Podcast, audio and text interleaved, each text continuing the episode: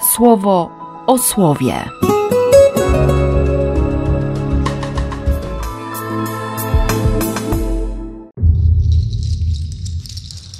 Trzynasty września, wtorek. Jesteście ciałem Chrystusa. Spora odpowiedzialność i przede wszystkim świadomość, że, że nie muszę być od wszystkiego, że Bóg naprawdę to wszystko w kościele poukładał.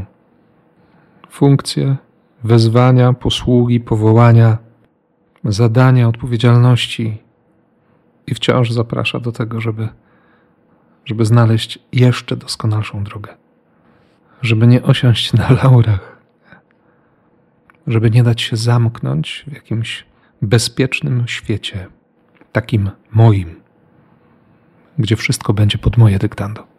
Przeciwnie, Kościół jest wspólnotą w drodze, a drogą jest Jezus, który idzie, który szuka, który prowokuje, któremu ciągle zależy. Bardziej i bardziej.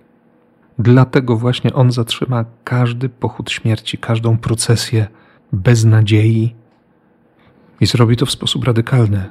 Dotknie śmierci, położy na nią rękę bo ma w sobie takie pragnienie życia, że, że to spotkanie nie może się skończyć inaczej jak nowym życiem. Dlatego jest też nowa nadzieja, choćby dla tej kobiety, która straciła męża, straciła syna i, i chyba straciła wszystko. A Jezus przywraca właściwy sens. Przecież to miejsce, ta miejscowość miała nazwę Nain.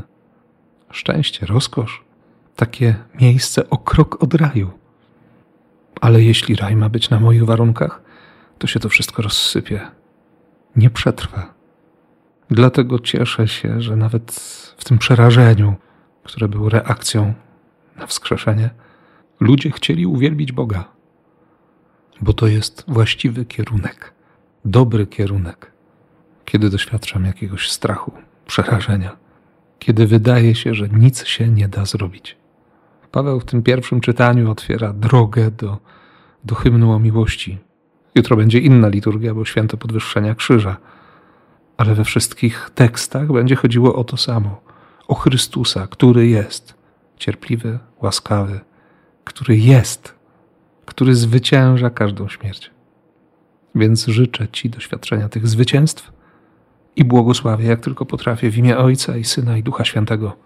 Amen. Słowo o słowie.